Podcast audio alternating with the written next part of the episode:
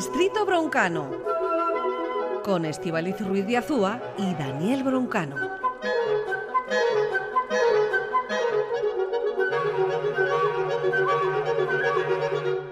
nueva entrega de esa propuesta que nos lleva a conocer nuevos universos musicales, una propuesta que comanda Daniel Broncano. ¿Cómo estás? Estibaliz, ¿qué tal? Que la propuesta hoy es buscar unas músicas para nuestra audiencia, buscar unas músicas que nos lleven a dónde exactamente. En este caso, América, eh, date cuenta, Estivaliz, que claro, la música con mucho, la música que escuchamos habitualmente eh, tuvo una base en Europa, como muchas otras cosas eh, de las que estamos habituados, y sin embargo llegó un momento donde el polo un poco de atención cambió a América y esto fue como un soplo de aire fresco, ¿no? Después de siglos de las músicas que empezaron en las catedrales, viajaron a las calles, pues el hecho de que el centro un poco de cultural cambiase América fue una revolución. ¿no? Eh, hubo un compositor que, por ejemplo, eh, encarna esto muy bien, que fue el checo Antonín Vorsak. Él emigró, fue una de, los, de las personas que, que, compuso la nueva sociedad americana. Él emigró en 1890 a Estados Unidos. Eh, allí pasó a, bueno, a ser parte del establishment eh, americano, eh, fue director del Conservatorio Nacional de Música de Nueva York. digamos que se hizo, se hizo un yuppie neoyorquino prácticamente. Entonces, él en cierto momento ya decía que él debía tomar vacaciones para relajarse en verano después de esa vida tan ajetreada de, de Nueva York. Eh, y ayudó un poco a, reconocer un poco el folclore americano, o al menos a trasladarlo un poco a la música, eh, a, la orquesta, ¿no? Por así decirlo. Em, su obra más, más paradigmática de esto es su cuarteto americano, que compuso en un pueblo eh, en Iowa que se llama Spillville, y que fíjate cómo, cómo de bien eh, sienta eh, este, esta América por aquel, por aquel entonces naciente, o esta, sobre todo la naturaleza americana, ¿no? que él decía que compuso esto en tres días. Eh, terminó la partitura con el comentario, gracias a Dios, estoy muy contento, fue muy rápido. Vamos a escuchar este, es que es, que es así. Vamos cuatro días, claro, es que esto, de componer debe ser muy fácil si nos lo dices así, que en cuatro días se compuso este cuarteto americano, bueno, esto tiene que ser sencillo lo de componer. Sí, pero esto tiene que ver con la inspiración de la naturaleza americana, ¿no? Es verdad que, América, en comparación con, con Europa, eh, sigue siendo un territorio bastante eh, natural o bastante donde la naturaleza tiene todavía más peso, ¿no? Y creo que esto se nota en cuanto pones un pie.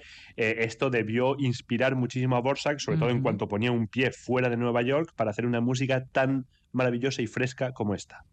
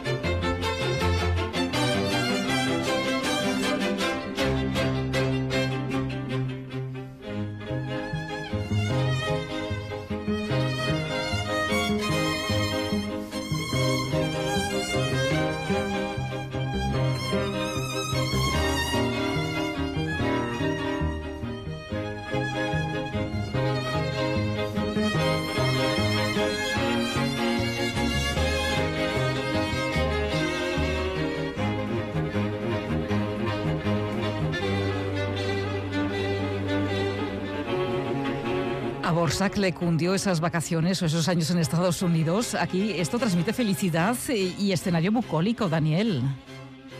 Ah, el buen rollo, el buen rollo que transmitía Estados Unidos a los, eh, bueno, a los pobladores que llegaban de Europa, ¿no? Y le salía la música, vamos, por los codos. Eh, uno de los compositores, hubo sobre todo dos compositores que forjaron esta identidad musical americana. Uno fue Aaron Copland y otro fue George Gershwin. Esto tras un compositor europeo como Borsak, que casi fue el que empezó a ponerle cara a este folclore un poco nativo americano. ¿no? Bueno, pues eh, Copland, como digo, eh, hay una parte de su música que se identifica muy bien con la amplitud de los paisajes americanos. De nuevo, unos paisajes americanos que están en América del Norte, en América del Sur. Eh, pero en la música de Copland siempre está esta grandiosidad, ¿no? Eh, bellísima, bellísima, que además él refleja con una armonía muy eh, típica suya, que es muy, muy identificable y que empezó a, constituir ese estilo americano, ¿no? Eh, una obra que para mí siempre tiene una importancia brutal, universal, es el concierto para clarinete de Copland, porque es para clarinete. y sabemos que las, las obras para clarinete siempre son especialmente eh, divinas. Exacto. Eh, esta, claro, esto lo compuso para Benny Goodman, eh, estrella del jazz, aunque aquí en su vertiente más clásica. así que vamos a escuchar, pues esto, la belleza de los paisajes americanos en la escritura de Copland, en este concierto para clarinete con este principio lento, bello, bello, bello, como no hay otra cosa.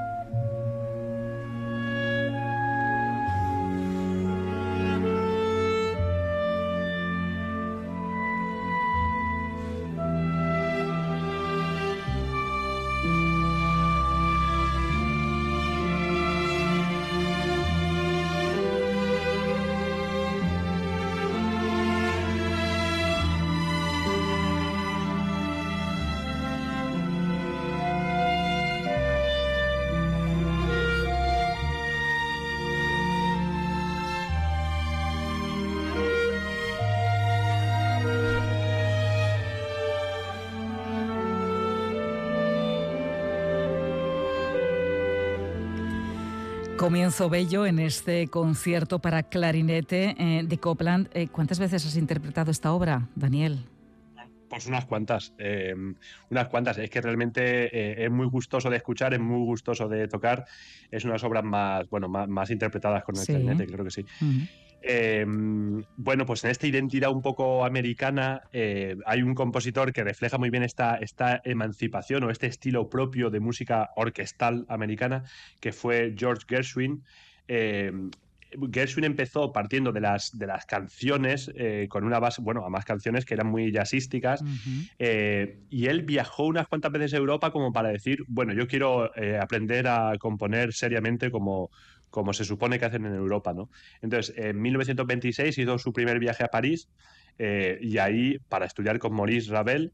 Y entonces Ravel lo que le dijo es, pero tú aquí qué vienes a estudiar? O sea, le dijo, le dijo, ¿para qué ser un Ravel de segunda cuando puedes ser un Gershwin de primera? O sea, es que, tú ya la música que haces, que tiene, que sobre todo parte de esta maravilla del folclore americano, ¿qué, qué, quieres hacer aquí, no? Eh, igual pasó con Nadia Boulanger, que era otra, era como una super coach de, compositores eh, que le dijo, pero ¿qué, consejo te voy a dar que no hayas recibido ya y que no tengas ya en tu música? ¿no? Y esto marcó un punto muy importante, es un ejemplo, pues es casi un, paradigma de, esta, eh, de este momento en el que América todavía miraba a Europa casi como eh, con alguna referencia de algo hasta que pasó a emanciparse en esta parte cultural, musical, a crear un estilo propio como este americano en París de Gershwin.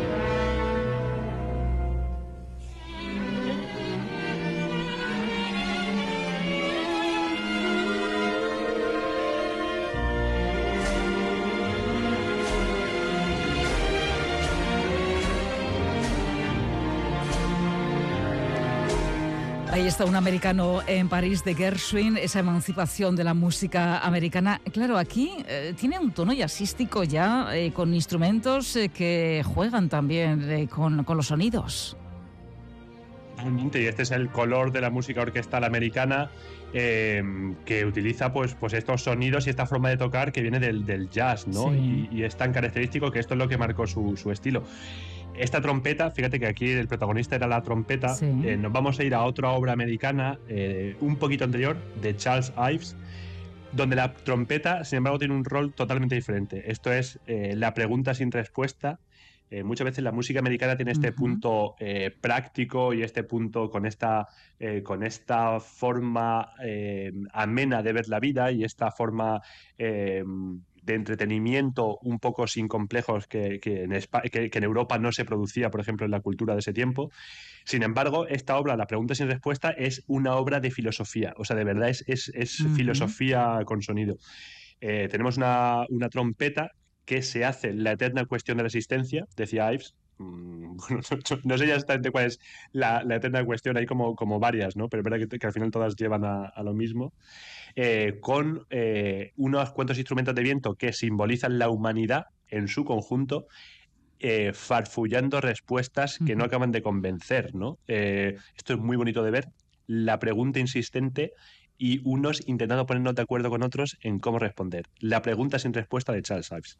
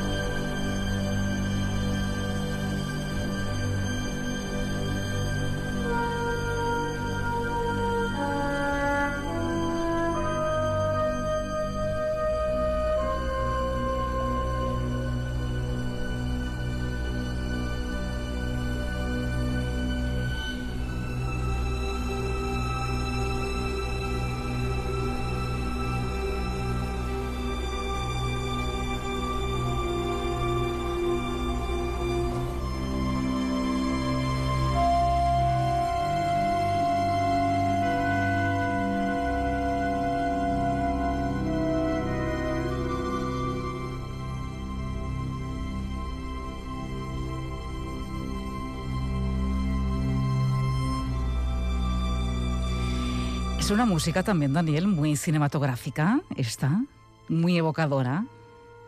Claro, es que esto está también ya en la, mente americana, ¿no? Eh, es tan evocadora, sí, claro, te imaginas, esto es lo que contaba Ives de la trompeta que se hace las grandes preguntas existenciales y la humanidad intentando ponerse de acuerdo, aunque, aunque farfullamos em, respuestas sin sentido. Em, los vientos madera siempre somos así, que es los instrumentos que lo hacen. Eh, muy bonito, muy bonito. Eh, y los americanos siempre hacen todo lo grande. Eh, esto es un, es un tópico que a veces musicalmente eh, también es así. hubo una obra que es que representa esto muy bien porque se hizo para la inauguración del John Kennedy Center en Washington. un súper complejo cultural que se hizo en 1971. entonces, para inaugurarlo, le encargaron una obra a Bernstein, eh, genio eh, americano, compositor, director, divulgador, era un nombre del, Renacimiento. Entonces hizo una, una obra, es una misa eh, es la, su misa, la misa de Bernstein, que es una parodia de una misa, en realidad. Eh, en vez de un cura, hay un actor de musicales, eh, tiene todo tipo de fuerzas musicales, tiene, tiene varias orquestas, coros, necesita tener una banda de gospel, necesita tener músicos callejeros, según decía él. Después de su estreno en 1971, no se ha tocado muchas veces porque es que no hay auditorios tan grandes como el John Kennedy Center donde quepan, donde quepa este estruendo que es esta misa de Bernstein.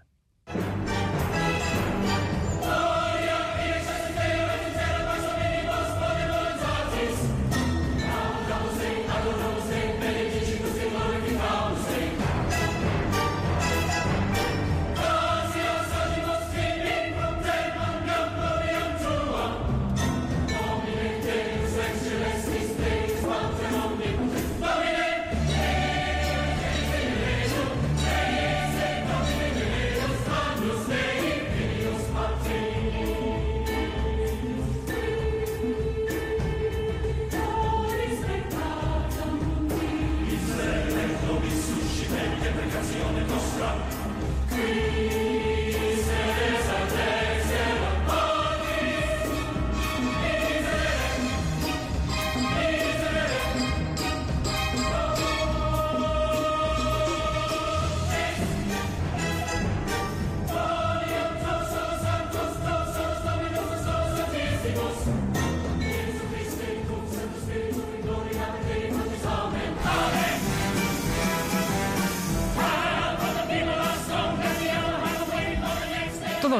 eh, clásica, eh, la que podemos ver al estilo distinto, al estilo americano, como decías tú, a lo grande, como lo hacen las cosas allá, como hacen las cosas allá. Lo grande, o sea, esto es una mezcla de jazz, rock, blues, música clásica y que es que hace falta como siete auditorios juntos para que quepa toda esta gente eh, cantando, tocando, una ¿Cómo, barbaridad. ¿Cómo gestionarías tú para que venga esto a un escenario de por aquí? ¿Cuánta gente pues necesitas? vamos a ver, yo creo que cerraría la mitad de Vizcaya. Vale. Eh, para poder. es que no sé, es que en Euskadi no sé, Palacio de Escaltuna supongo que, que, cabría, a lo mejor hay que tirar abajo alguna pared para que. no sé, no sé. Aquí se tira, eh, si eh, quieres, ¿eh? Si hay que tirar, se, tira, Para que entre Bernstein y todo su equipo. Claro, algún, algún pequeño estadio tendréis, si no, San Mamés, no sé. Supongo que San Mamés era el sitio, sí. Eh, no sé si esto que estoy diciendo es muy sacrílego. No sé si estoy, que muy sacrílego, pero San Mamés sería el sitio. Venga, vamos allá. Vamos a San Mamés con la misa eh, de Bernstein. ¿Alguna propuesta más para hacer por aquí, eh, Broncano? Sí, sí, sí, sí, tenemos, tenemos, tenemos. Ahí, ahí o sea, em, fíjate que hemos recorrido como un poco esta música que tiene que ver con el paisaje americano al principio. Otro estilo de música clásica muy americano es el minimalismo. Esto lo inventaron ellos, que son pues estos ritmos que se repiten y que van evolucionando, esta simplicidad un poco, ¿no? Eh, como contraposición a las vanguardias eh, europeas que eran como súper complejas y que a veces te dan dolor de cabeza, pues los americanos dijeron, no, no, no, aquí hacemos una cosa mucho más sencilla y mucho más funcional, ¿no? Máximo exponente de esto es Steve Reich, eh, una obra que a mí me encanta, se llama Tehillim, que significa salmos, Em, eh, y tiene que ver con, viene de la tradición judía, pasada por el tamiz del minimalismo, como digo, una obra religiosa tan cool como es Steve Reich en su conjunto. Eso, vamos a escuchar una parte de este Tehilim. Te, te reto, eh, Stivalis, a que intentemos seguir el ritmo. Es súper irregular. A ver si podemos seguir el ritmo de este Tehilim de Steve Reich.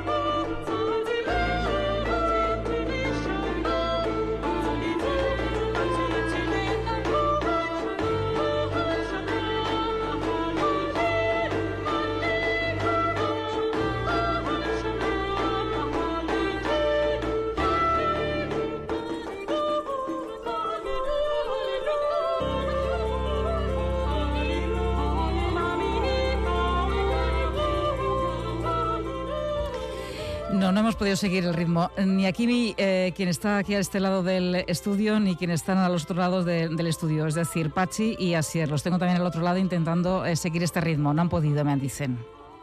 Dicho que no. Pues es que es que sigue un poco como la, letra directamente con estos salmos. Eh, eh, hebreos, entonces es, realmente complejo. Eh, pero suena un poco a música medieval por una parte y a la vez moderna. Esto es la maravilla de esta, de esta obra. Eh, otro compositor exponente del minimalismo es John Adams. Hay muchos, ¿eh? Philip Glass, por ejemplo, claro que es muy conocido. hay una obra que a mí me encanta de John Adams que se llama Short Ride in a Fast Machine, o sea, como vueltecita rápida en una, en una máquina rápida. muy trepidante, solo una frase, que es lo que para mí me, gusta de lo que él cuenta. Dice, ¿sabes lo que pasa cuando alguien te pide que vayas en un estupendo coche deportivo y luego deseas no haberlo hecho? Pues pasa esto.